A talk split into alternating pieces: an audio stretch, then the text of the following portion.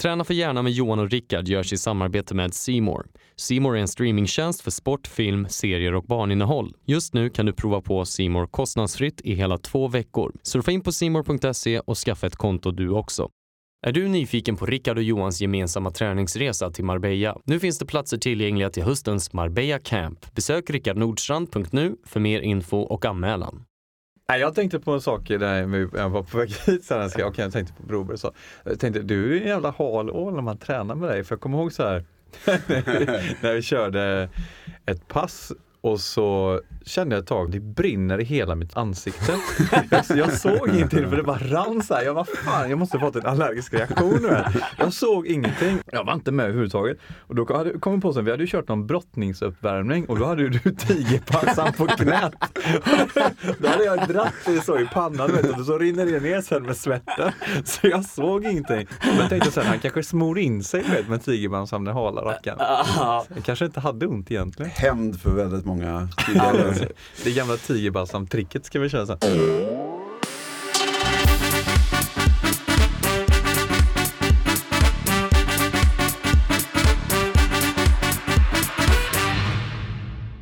Hej och välkommen till Träna för hjärnan med Rickard Nordstrand och Johan Norén. Dagens gäst är en gammal hockeytränare och eh, en bra vän.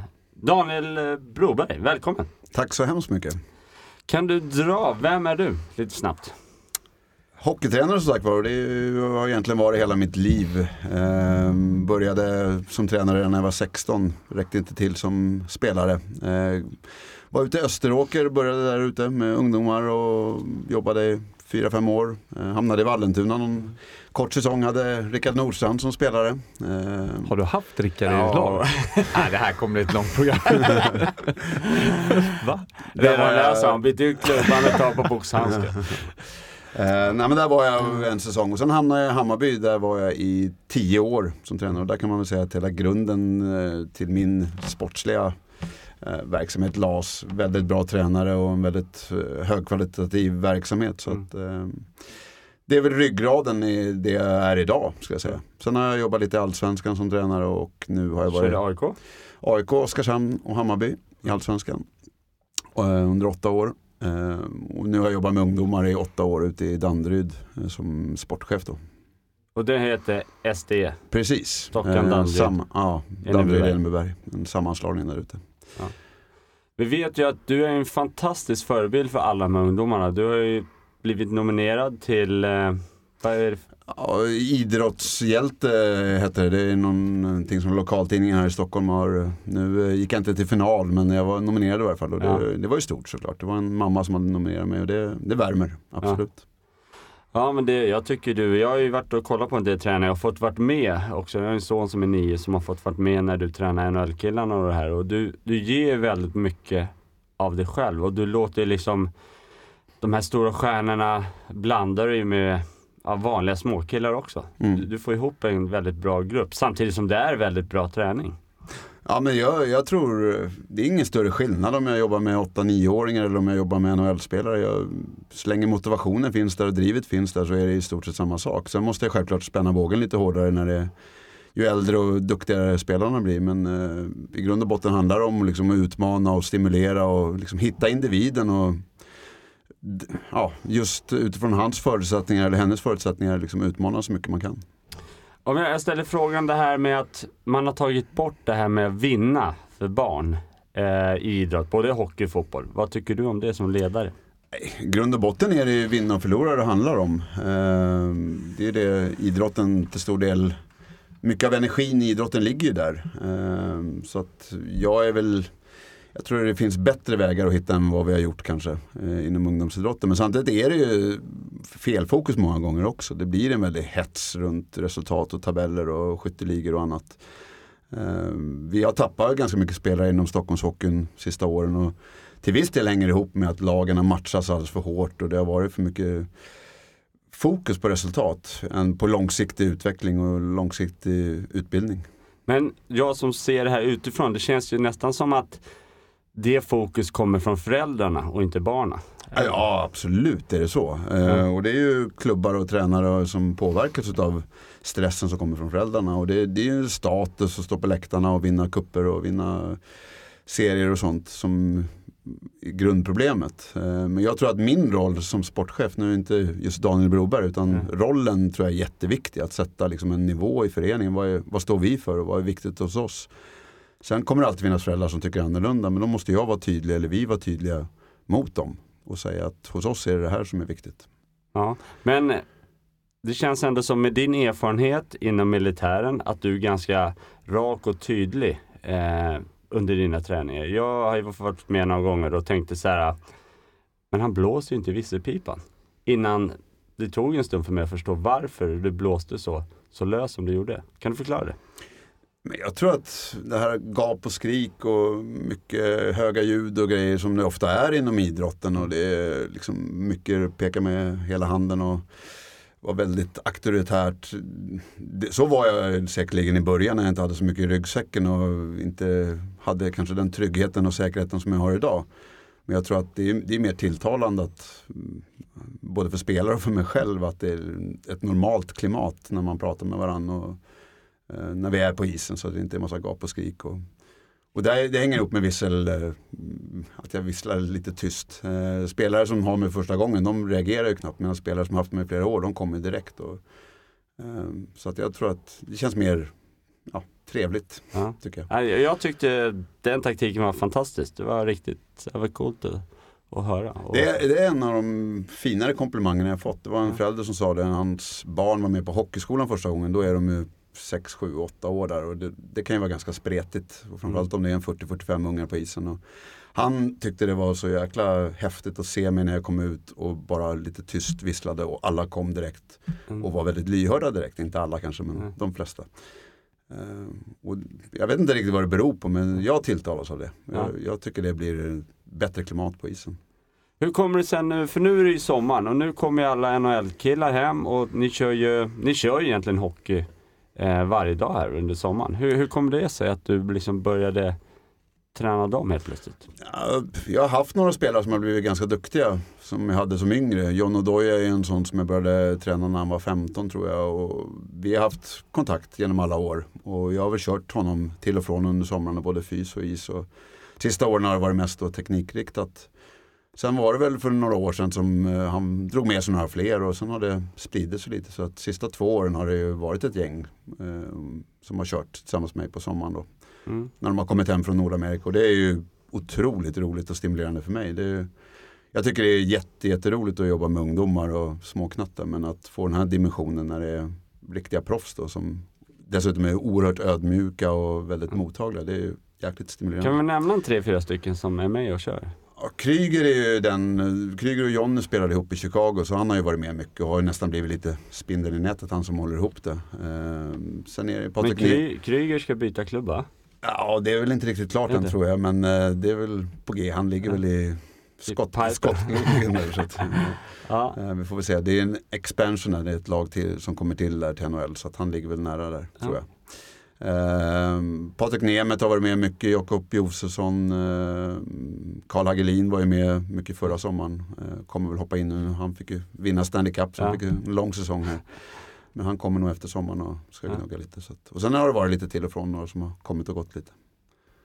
Vad är det som driver dig att hitta på de här övningarna och liksom, du har ju en väldigt stor, vad ska man säga, påse av eh, övningar. Du liksom, du hittar på nya saker varje gång. Det är liksom, det är, helt plötsligt står en stol, det är boxningssäckar som kommer ner från taket och det är liksom, det är verkligen kul att bara stå och titta på dina träningspass. Ja, men jag tror att, som jag sa, Hammarby la grunden för mig. Där fyllde jag min ryggsäck och min ryggrad sattes där. Eh, och jag känner mig ganska trygg i det konceptet när det kommer till teknik. Och som jag säger, att försöka utmana och stimulera spelarna, det är A och O för mig. Eh, det är samma när jag tränar. Jag vill ju att det ska kittla lite i magen och att det ska vara lite man inte riktigt vet vad som ska hända och sådär. Och därför tilltalas jag enormt av dina pass. Liksom. Det är alltid stor variation och alltid överraskningar. Och jag försöker anamma samma sak inom hockeyn. Att både för min egen del och för spelarnas del. Att det ska vara varierande. Och man ska inte riktigt veta från gång till gång. Och självklart utmanande också. Det ska vara nya moment, svåra moment. Och... Men, men har du märkt det nu senaste åren att liksom grunden, träningsformen har ändrats lite? Det är inte det här tunga marklyft och tunga knäböj lika mycket som det var tidigare utan det är mer rörlighet man jobbar på, det är mer balans, mer bål och sånt. Absolut. Eh, jag var själv en knäböjkille i 190. Det var 5-6 pass i veckan med knäböj. Och man jublade när någon slog pers med 5 kilo. Och, eh, hade väldigt fokus på det här att bli stark. Och det, det, det, var så, det var så tydlig feedback. Alltså, gick du från 200 till 210 så var det en tydlig feedback på att du hade blivit starkare. Men jag kom fram till för några år sedan att det är en ingrediens, absolut, att bli stark. Att få den här råstyrkan och maxstyrkan. Det, det tror jag fortfarande är ett viktig pusselbit. Men det måste översättas till hockeyn, det måste översättas till en ren funktionalitet. Och där vill jag hitta nya vägar genom nya inspirationskällor. Eh, dels dig och Andreas Ögren och hela det här äh, konceptet som har blivit mycket mer etablerat i hockeyn de senaste åren. Så att jag har sadlat om och ser mycket mer funktionalitet och eh, ja, rörlighet och allt det här. För man kollar då och pratar NHL som oftast är allas pojkar eller flickors dröm att få ändå komma över till Nordamerika och spela hockey. Så, så är det väl liksom, vad ska man säga, det är en väldigt liten chans att komma dit så det gäller att vara så förberedd som möjligt. Men de här som är där nu, har du sett att de har liksom ändrat om sin träning nu. Att liksom spelet har ju faktiskt ändrats i NHL nu mot tio år tillbaks. Mm. Nej men det tror jag absolut. Det att skolorna finns fortfarande kvar. Det finns fortfarande de som kör mycket långlöpning och fortfarande de som kör mycket lyft. Och, men jag tror att det har blivit ett mer, ett mer komplext eh, upplägg. Det är mer fullblodsatleter som håller på. Tittar man i NHL idag så är de ju inte 1,98 och väger eh, flera hundra kilo. Eh, utan det är ju betydligt mindre ja, atletiska, starka, eh, genomtränade spelare. Eh, så att det har verkligen hänt mycket de sista tio åren och det hänger ihop med reglerna också. Det har varit en mm. regelförändring i hockeyn och mycket hårdare bedömningar mot fasthållningar och hakningar. Och, så att de här stora spelarna som var tongivande för tio år sedan, de fick inte alls samma utrymme. Du var ju lyssnade på en föreläsning med någon känd tränare som nämnde att kampsporten var ett bra komplement till eh, hockeyn. Mm. Eh, kan du också Absolut, det var ju Barry, Barry Smith eh, som jobbar i Chicagos verksamhet som eh, refererade till Jocke Nordström då, som du har kört med. Mm. Eh, där han såg en stor skillnad från ena säsongen och vad som hände då över den sommaren när han kom tillbaka. Och dels rent atletiskt, rent balans, kroppskontroll och allt det här men också mycket modet. Eh, att han, han upplevde att han blivit mycket modigare, vågade utmana mycket mer. Och, så att, eh, jag tror att du kan hitta jättemånga olika vägar för att bli den här uh, topphockeyspelaren. Och thaiboxning som jag själv nu har fått äran att köra med dig några år, det är en fantastiskt bra träningsform. Ja, för jag har ju fått äran, om jag, om jag bollar tillbaka det, att få köra med SD-hockey, både mm. J14 och J18. Och eh, nu har inte jag följt säsongen lite, men ser du en uh, utveckling på isen också? Att vi kör det här som en sommarträning? Absolut, och mycket det mentala tror jag. Mm. Uh, man vågar liksom fejsa lite tuffa, jobbiga situationer på ett annat sätt. Man blir lite modigare i skallen. Uh, så det tror jag definitivt. Sen är det alltid svårt, de växer i den där åldern och vad som styr vad är alltid svårt. Det, både fysiskt och mentalt så växer det mycket men jag är övertygad om att den träningen är jättenyttig för oss inom hockeyn.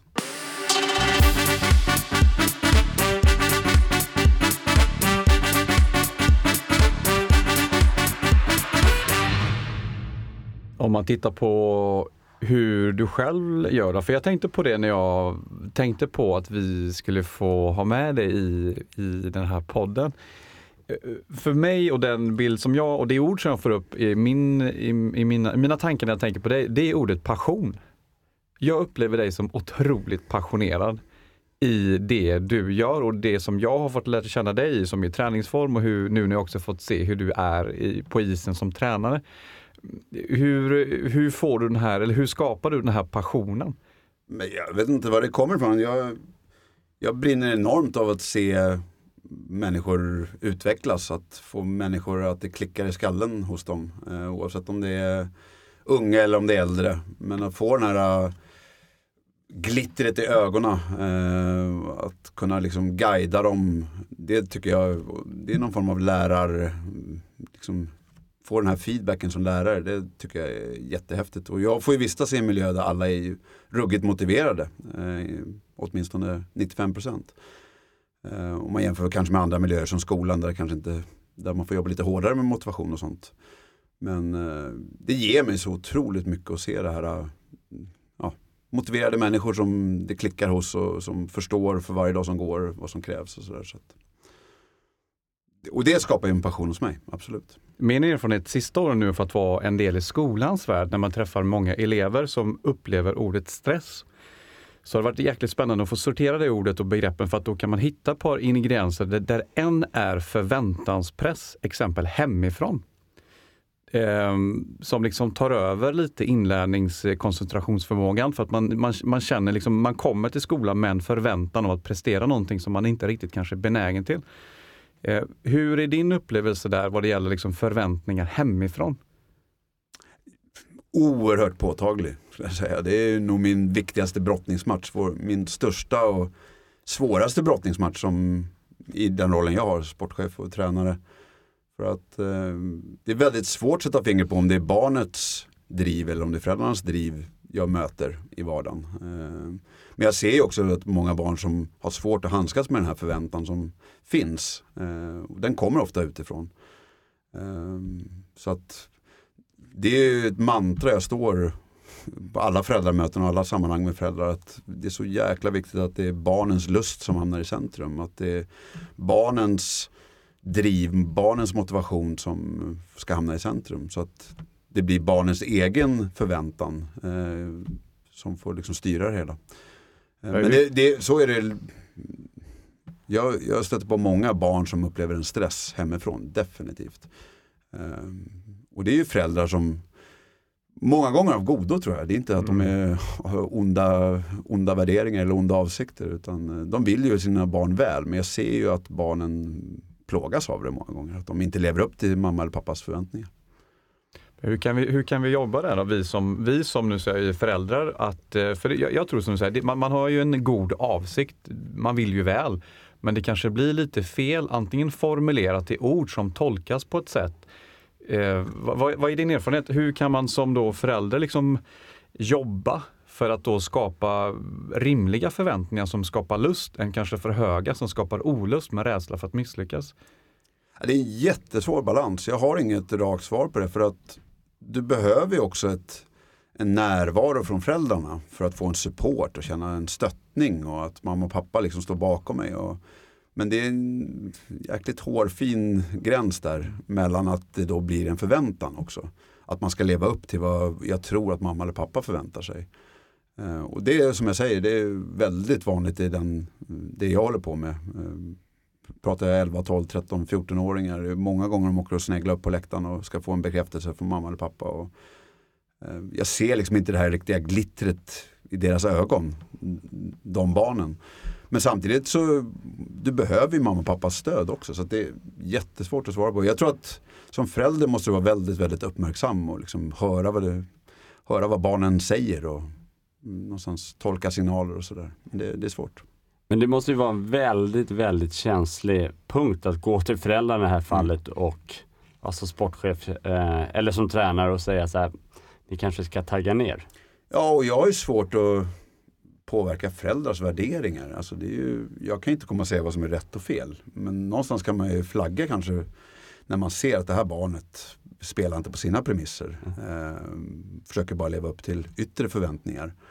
Eh, det kan man ju flagga för men jag kan inte komma till en annan vuxen människa och säga du gör fel som gör så här. För att eh, Jag måste utgå från att man har landat i sig själv som vuxen och liksom vet vad man själv vill. Men från mitt perspektiv så blir det väldigt tydligt ibland att vissa barn inte mår så bra. Ja men det kan jag också. Jag har en son som spelar eh, hockey också. Jag kan ju se att vissa barn är där för deras föräldrars skull. De har mm. ju egentligen ingen lust alls att vara där. De, de åker och tittar på läktaren och ja, inte alls närvarande. Och, och det, det, måste ändå vara jag vet inte, det måste vara svårt att komma till kännedom för föräldrarna att förstå Verkligen. att er, ert barn kanske inte ska spela hockey, den kanske ska göra någon annan idrott. Men samtidigt kan det också vara att i vissa fall behöver de en knuff i rumpan eh, för att liksom komma in. Jag har ju själv en son som ni känner till som har en problematik där, som innebär en väldigt han har ingen motor, han har inget driv i sig. Han har eh, en autism och ADD-problematik. Och vi har ju försökt att putta honom liksom för att få igång honom. Eh, och hade vi inte gjort det då hade han varit väldigt inaktiv och passiv. Liksom. Eh, men samtidigt vill vi inte putta för mycket eh, och tvinga in honom i situationer som är obehagliga. Men samtidigt behöver han liksom en putt i rumpan. Sådär. Eh, och det har jag respekt för när jag ser föräldrar också. att Är du 7-8 år då kanske du inte har fått igång den här motorn än. Du vet inte vad du vill. Och då kanske man behöver någon som liksom puttar lite på dig. Men det får inte bli för mycket heller för det måste fortfarande vara på barnens villkor. Känner du att det har gjort dig till en bättre ledare att du har en son som har de Absolut, Som jag har fått en större förståelse eh, för eh, svårigheter och tidigare var jag väldigt kantig. Jag jobbade ju med, visserligen lite äldre då och jobbade även med A-lag.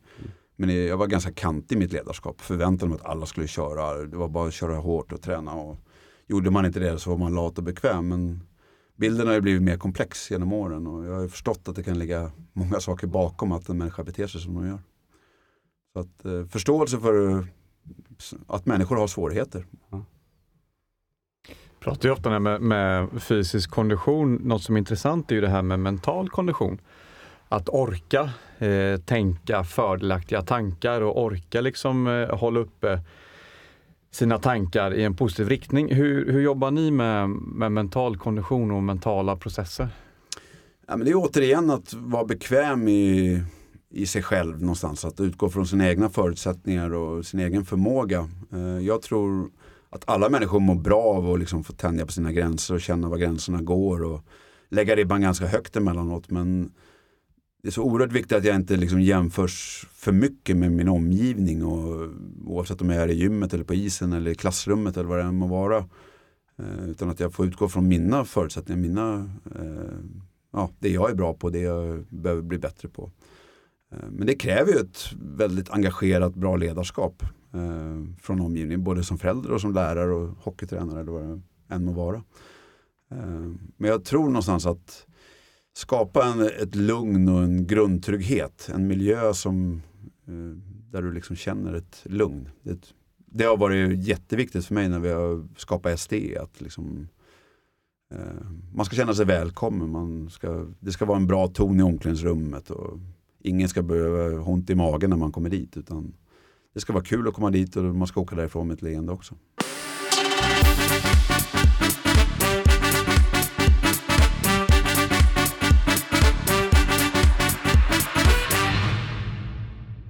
Är du nyfiken på Rickard och Johans gemensamma träningsresa till Marbella? Nu finns det platser tillgängliga till höstens Marbella Camp. Besök rickardnordstrand.nu för mer info och anmälan. Om man lyssnar på det här och man har en dröm om att komma till NHL, då säger du Johnny Odoja känner du väldigt väl. Hur, hur, hur mån är han om sin träning? Hur ser träningsupplägg upp när han inte är där borta och spelar? För du spelar Mm. mycket matcher på sommaren. Och hur mån är han om sömn och mat och sånt? Just han är ju extrem och det är ju även Kryger som jag upplever. Han har ju gått lite i Johnnys fotspår där i Chicago. Men de är ju oerhört noggranna med sin träning och kost och återhämtning och sömn och allt sånt där. Eh, de är nog inte någon, så är inte alla i NHL tror jag, utan jag tror de tillhör toppskiktet där borta. Men eh, Johnny har ju blivit lite äldre nu så han har ju lagt om sin träning lite. Han körde jäkligt tuff och tungt eh, när han var 23-24 och även tidigare också. Nu när han har passerat 30 så har det blivit mer det vi pratar om, funktionellt och rörlighet och få kroppen att fungera och undvika skador och sådana här saker. Men han är fortfarande i väldigt, väldigt bra trim. Eh, Vad det gäller kosten så är han ju på en väldigt hög nivå och liksom det stoppar inte i sig någonting som man inte vet vad det är och det är ekologiskt och det ska vara, ja, han är väldigt noga där. Och det, jag tror att det sprider sig mer och mer också. Återigen det här med att reflektera och ta ansvar för sin egen situation och inte vänta på svaren utan man går till sig själv. För hans första år i NHL, de såg ju inte ut som hans sista. Då hade han en helt annan spelstil. Vad Mm. gjorde att han ändrade spelstil? Jag vet inte, han har ju det är en spelare som har gått den långa vägen tycker jag. Han har inte varit någon pojkstjärna eller han var inte med i TV-pucken, han var inte med i någon av pojk och juniorlandslagen. Så han har ju fått eh, jobba sig till där han är idag och lever ju väldigt mycket på karaktär. Eh, så han hittade väl sin roll någonstans där när han började i New Jersey eh, som var ett ganska defensivt lag och hade ju skördade stora framgångar på det sättet. Men han vart ju en stabilt spelande back. Eh, I mina ögon är han en ganska komplett spelare. Han har ju ingen så här jättevast vapen kanske men han kan det mesta och framförallt väldigt vältränad och underkastar sig liksom rollen på ett väldigt bra sätt. Och det är samma med en sån som Kryger. Eh, oerhört ödmjuk, eh, gör det som förväntas av honom. Vi stötte på Jesper eh, Fast här i, i helgen. Jag upplever att kännetecken för eh, många av de här nätspelarna att de är väldigt ödmjuka och liksom tar sin roll. Eh, de kommer inte dit och förväntar sig att få göra som de vill utan de, de gör det som laget och coachen förväntar sig. Där, där är vi svenskar väldigt bra. Och det är ju kul att du säger det. Först och främst ska man ju lyckas ta sig dit och det är ju självklart marginaler. Men det finns ju liksom ingen finns ju ingen genväg utan det är ju hård träning, det är disciplin, det är kost och sen likaså när man då har hamnat i NHL, eh, att hålla i det där. Att man inte är nöjd där utan man liksom försöker då dra åt de här skruvarna lite till och liksom se. För man kan ju alltid, alltid bli bättre. Mm, absolut. Eh, och det är det jag tror är kanske viktigaste egenskapen om vi nu pratar proffsidrott. Mm. Det är ju många som kommer dit och nosar på NHL. Och jag hörde att medellivslängden i NHL är ett år på en spelare. Och det betyder att det är ganska många som kommer dit som är tillräckligt skickliga men det är få som har det som krävs för att vara kvar år efter år. Och det är just det här äh, återigen reflektion. Eh, hur ska jag kunna gå vidare? Hur ska jag kunna bli bättre? Mycket mentala, ta sig igenom svårigheter, ta sig igenom motgångar. Och, äh, eh, var, var väldigt klar på vad det är jag behöver och vad jag är bra på. Om vi ska översätta då till, eh, till livet, för nu är vi inne på idrott här, men man kan ju lära sig mycket från idrott och, och idrotten kan lära sig mycket av livet. Eller på så Det går ju såklart i ett, men, men det är lätt att man liksom snör in sig på saker. Vad, om man ska titta på det här exemplet som vi sa med obalans då, eh, mellan krav och förmåga har en tendens att skapa stress. Och, och en stressad person, oavsett egentligen livet eller i, i, i idrotten, har ju en tendens att eh, faktiskt att det går så fort att man gör misstag. Man ser en stressad idrottsperson exempel som hamnar i stress, gör ju oftast misstag. Um, vad är din tolkning? För då kommer man inte att hamna i lugn. Ett avslappnat tillstånd pratar man ofta om i idrotten, att man liksom lär sig att slappna av och liksom lita på sin förmåga. Hur kan man jobba med den här eh, obalansen mellan krav och förmåga att skapa stress? Vilka liksom parametrar kan man jobba med för att skapa liksom lugn? Öh. Om jag då ska gå till ishockeyn, det jag håller på med nu, mycket individuell teknik och det går ju att översätta till livet i stort också. Jag tror att om vi pratar ryggrad någonstans, det jag lutar mig mot det är ju rena grunder i tekniken. Eh, och det, det, jobbar jag väldigt mycket med oavsett om det är NHL-killar eller om det är unga spelare. Att ge dem en ryggrad de kan luta sig mot. Att de känner sig trygga i grundteknik. Eh, det är ingenting som tar ett år att lära utan det måste underhållas hela tiden och finnas med hela tiden. För det är det som någonstans, ja, återigen är ryggraden. Sen utifrån det så vill jag liksom tänja på gränser och ja, kliva utanför komfortzoner och sådär för att liksom utmana mig själv och hitta nya vägar och få liksom känna att jag blir större och starkare. Och, men hela tiden falla tillbaka till de här grunderna och det är ju samma i livet att hitta en miljö där du känner dig trygg och lugn och liksom, du kan vara dig själv och sakta men säkert få liksom växa inifrån men också utmanas och ställas inför tuffa situationer och sen kunna gå tillbaka till det här lugnet igen. Och, eh. För det intressanta blir när man tittar på den parametern att antingen då Eh, om man säger då att diffen mellan, mellan krav och förmåga bildar, bildar stress, då, antingen då får man ju sänka kraven på sig själv eller utifrån, eller så får man ju höja sin förmåga i kompetens i utförandet. Och det intressanta är ju då med det här med att man, det man tränar blir man bra på att tränar man någonting tillräckligt mycket så hittar man ju som du säger en grundtrygghet i utförandet. Det jag tror när man pratar det är att, att det ska gå för fort. Man vill vara duktig igår. Så att man liksom forcerar hela processen. För min tolkning på det är oftast, där jag eh, jobbar mycket nu, utmattning, det är att sjuk frisk, att det ska lika eh, snabbt som man blir sjuk eller så, lika snabbt ska du bli frisk. Alltså man forcerar så att det till och med tar längre tid. Och då kommer vi in på det här med tålamod. För det är en sak att vara ungdomsstjärna höll jag på att säga och en, en sak att bli bra i, i det långa loppet. Vad, vad kan du se i uthållighet att orka? Vad är det som driver vissa personer att de orkar hänga i så länge? För du nämner motgång, du nämner liksom att man blir petad, man får stå utanför laget. Och det kan man också översätta till livet. Man får sparken eller liksom det händer saker, man får tuffa saker. Vad, vad är det som gör att vissa personer har en tendens att hänga i och orka? Svårt att säga, jag tror att det mycket handlar om en grundtrygghet från början. Var, exakt var den kommer ifrån kan det vara olika saker. Det kan vara familjen, det kan vara att du har vistats i miljöer eh, när du har varit yngre som har skapat en grundtrygghet. Men det du är inne på, det känner jag är en brottningsmatch för mig hela tiden. Eh, det här med att det ska gå fort. Eh, för att för, någonting jag har fått insikt i och som har blivit viktigt för mig det är att det här tar tid. Eh, vill jag in the long run bli framgångsrik inom hockey eller som människa så kommer det ta tid. Eh, har jag för bråttom så kommer jag snubbla hela tiden och då blir det den här stressen som du är inne på. Eh, så jag försöker ju verkligen få både föräldrar och spelare och annat att se det här, kvittot på det vi håller på med om vi nu någonstans ska få fram duktiga hockeyspelare i slutändan. Det kanske vi får när de är 18, 19, 20 år.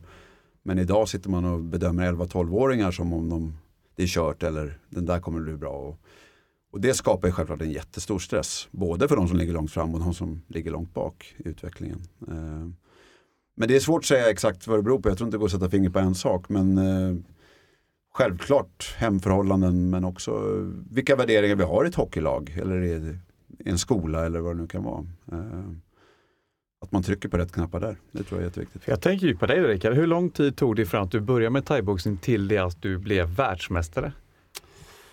Tio år tog det. Och hur många träningspass fick du liksom lägga innan under de tio åren?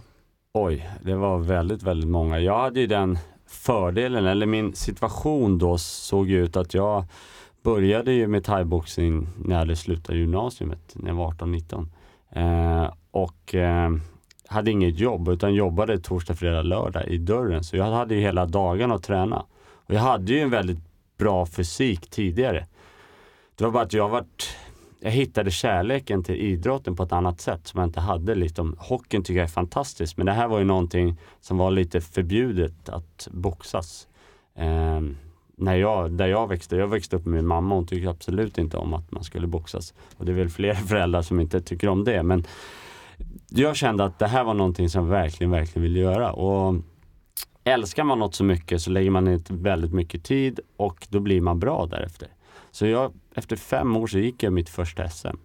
Eh, och så vann jag fem SM på rad och då fick jag chansen att åka ner till VM 2004 i, i Bangkok. Då. Och eh, vann där också. Och senaste svensk som har vunnit sedan 2004. Så det sätter väl en liten prägel på att man var, var duktig. Men det, det är svårt när man är i den här karusellen att ta åt sig och känna. Det är först nu när jag liksom har förstått att det där var min karriär jag kan vara stolt över det. För vi kommer in på det här som jag tycker ändå är viktigt att förmedla till, till oss själva, för man, man är ju olika processer. Man kanske, inte, man kanske lyssnar på det här programmet men inte ens är hockeyintresserad. Då är frågan vad kan man ta med sig? Mm. Och det jag tycker är viktigt att prata om det är ju det här med tålamod. Att orka ligga kvar, som sagt var, det tog tio år. Hur många träningstimmar? Det är ju liksom räkna på den och du kommer mm. få fram en jättehögt eh, timantal. Och hur många av de passen var, alltså man kan ju koka ner det här hur långt som helst. Mm. Och då kan man ju lägga in det om man vill gå upp i vikt eller ner i vikt eller man vill klara sin första mil eller man vill göra sitt första maraton eller vad det nu än man siktar på eller vilka mentala processer man siktar på. Det här otroliga viktiga ordet tålamod. Mm. Och det är ju, nu Rickard pratar ju om det egna drivet och de egna drömmarna och egna lusten och allt där och det, det är ju jätteviktigt men jag tror det, nu klarar säkert Rickard och många, många andra det på egen hand. Men jag tror det är en jätteviktig del i att skapa sådana miljöer också där, vi ge, där de känner att de får utrymme för tålamod och att ni får utvecklas i eran takt. För det finns många som är fysiskt, mentalt, socialt långt efter utvecklingen. Eh, och ska vi slå undan benen på dem när de är 10-11 år i en ganska rörig tillvaro som det är. Eh, då gör vi dem självklart en jätteotjänst. Så att jag tror att Eh, skapa miljöer där vi kan stimulera, där vi kan utmana, där vi sakta men säkert väcker de här eh, eldarna som finns i alla. Det, det ser jag som min främsta uppgift som idrottsledare. Eh, sen att vinna matcher och någon hamnar i NHL, det är jätteroligt och jättekul givetvis. Men just att se de här processerna, de personliga processerna, det är en jättekick för mig. Hur- kan man jobba med det själv då? Om man inte har en ledare just precis nu som, är- som är inne i detta, man är, man är liksom själv i någon process. Hur kan man jobba med sina egna eh, tankar om att vara kvar i tålamod? Ah, det är någonstans att bottna i vad man verkligen vill själv oavsett. Du var inne på massa olika eh, processer där, tänkbara processer. Och, men någonstans fråga sig själv vad jag vill. Eh, är det att gå ner i vikt eller är det att skapa en hälsosammare livsstil eller det här, att vinna någon titel eller springa någon lopp eller vad det kan vara. Ehm, men att man verkligen vill det och att det, att det kommer från magen. Eh, så att det inte är några förväntningar utifrån återigen. Utan att det är någonting jag verkligen vill. Då tror jag man hittar vägarna också. Ehm, men återigen, allting tar tid och det, det, det måste du ge dig själv om du ska bli bra i det långa loppet.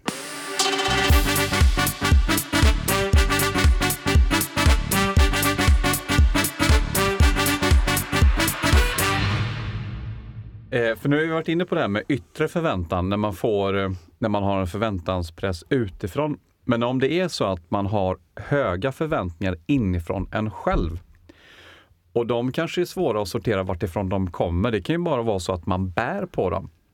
Eh, vad, vad tror du? Hur kan man, liksom, hur kan man lära sig att, att skapa rimliga förväntningar till sig själv egentligen oberoende på vad man, vad man sysselsätter sig med? För, för i, när man tänker på det, höga förväntningar ska, skapar oftast lite drag på perfektion. Att är det inte perfekt så är det ändå inte bra och det är aldrig bra nog. Och då landar man ju oftast i ett bristtänkande, att det spelar ingen roll hur jag gör det för det blir aldrig bra nog. Vad tror du? Hur, hur kan man sänka sina förväntningar för att liksom skapa lust? För i lust, om man tittar tillbaks, hittar vi oftast lek.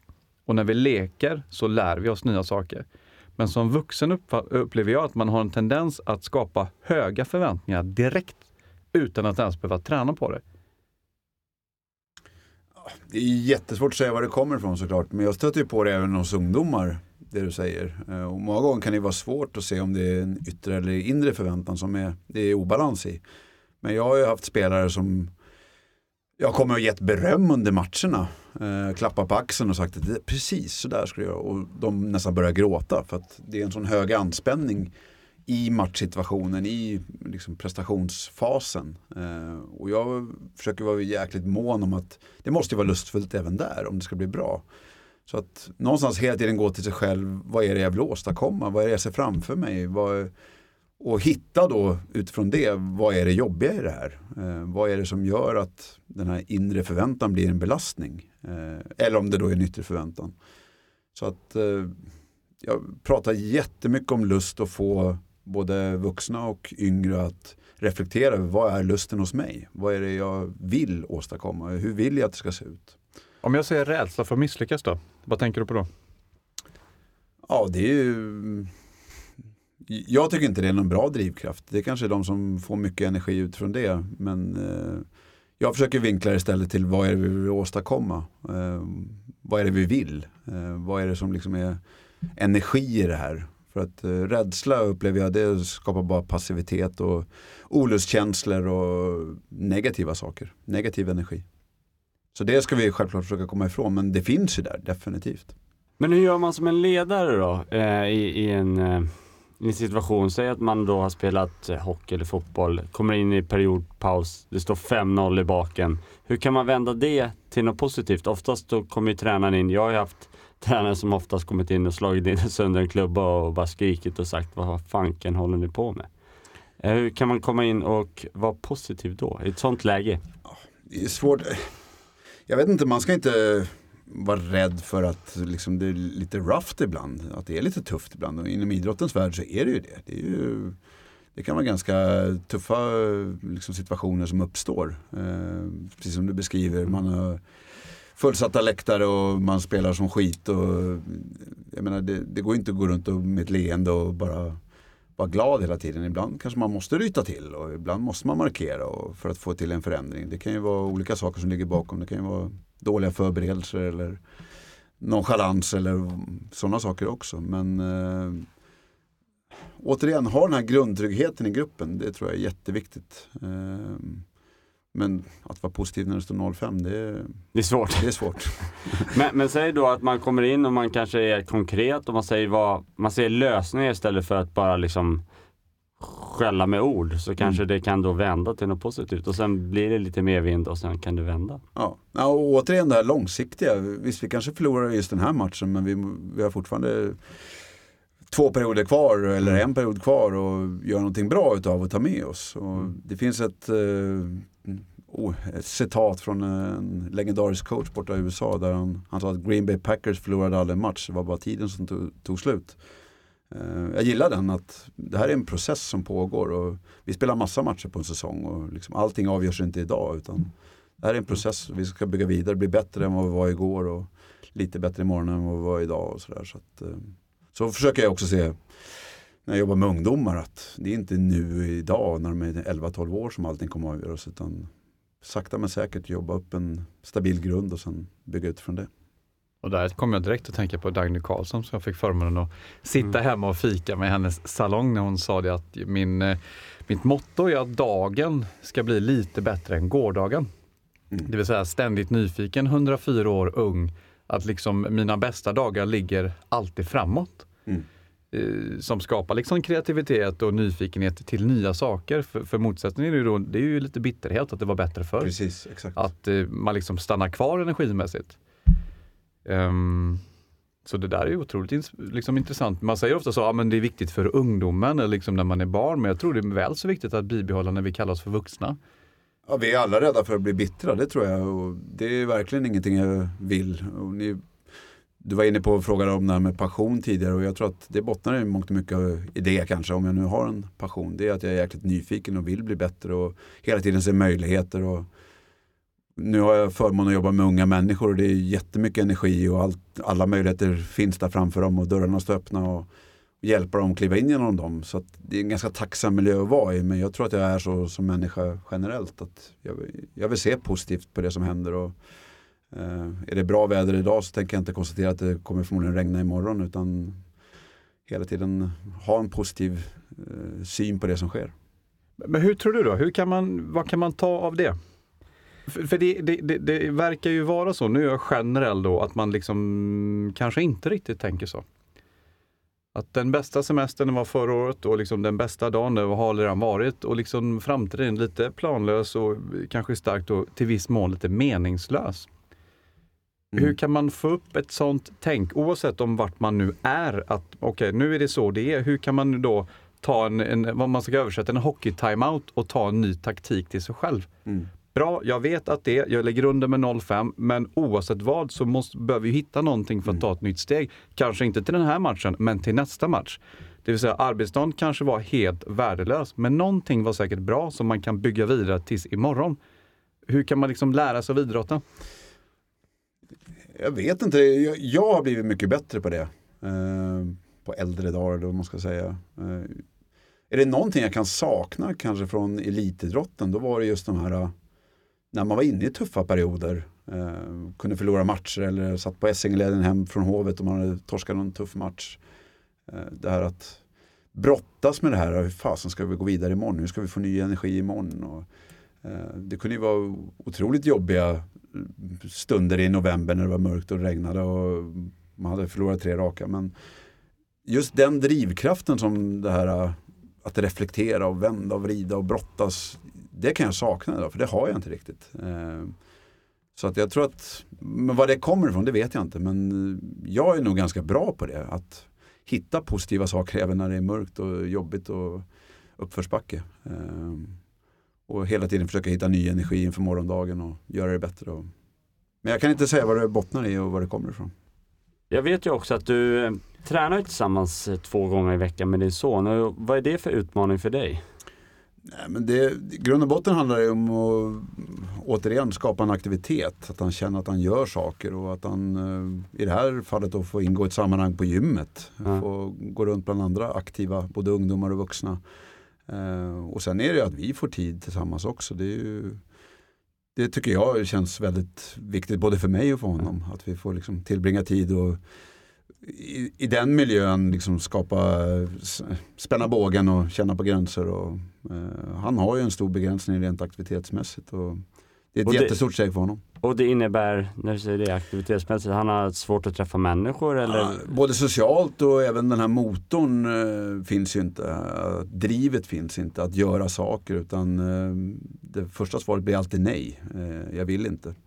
Och det har vi förstått att nej betyder jag vet inte. Eh, och då får man mm, ja, sakta men säkert liksom leda in honom på olika saker. Och i det här fallet gymmet då, som har blivit en trygg miljö för honom. Eh, han tycker det är kul att åka dit. Och extra kul kanske då att få umgås med mig en timme några gånger i veckan. Hur ser ett sånt träningspass, säg att man har ett barn som har den här symptomen som, Mm. som din son har. Vad är det för symptom? Eh, han har en ADD och autismdiagnos. Eh, och det blir ju en det går i varann i mångt och mycket det här. Eh, det är svårt att säga vad som är vad riktigt men Mm. eh, man, kortfattat kan man säga att det är socialt och den här motorn som är hans stora begränsningar.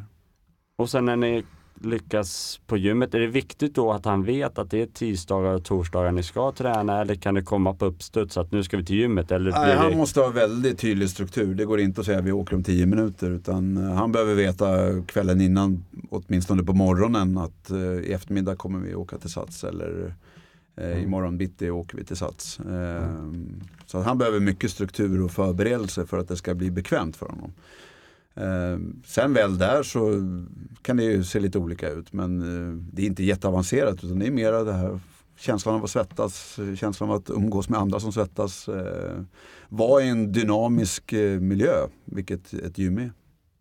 Fantastiskt. Men det där tror jag kan motivera många där hemma som är just för det blir en utmaning. Det är lättare att lämna hemma gissar jag och dra och träna själv. Mm. Eh, men det här är ju jättefint och jag hoppas att eh, flera tar efter det. Och det behöver inte vara att du har en autism och ADD-diagnos eller Nej. någon annan eh, funktionshinder utan det kan ju bara vara att få tillbringa tid med dina barn och liksom just där och alla människor mår bra av att aktiveras och svettas och känna att man gör någonting bra med kroppen.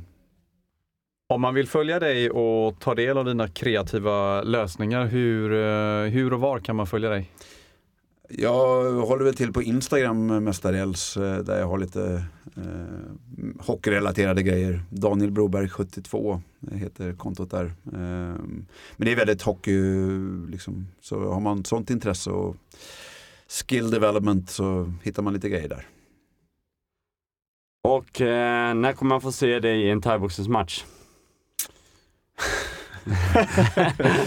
Jag har tagit ett eh, gigantiskt mentalt kliv genom att bara börja träna thaiboxning. Match tror jag inte, nej det har jag inte skissat upp några planer för. Nej, men sug på den karamellen då.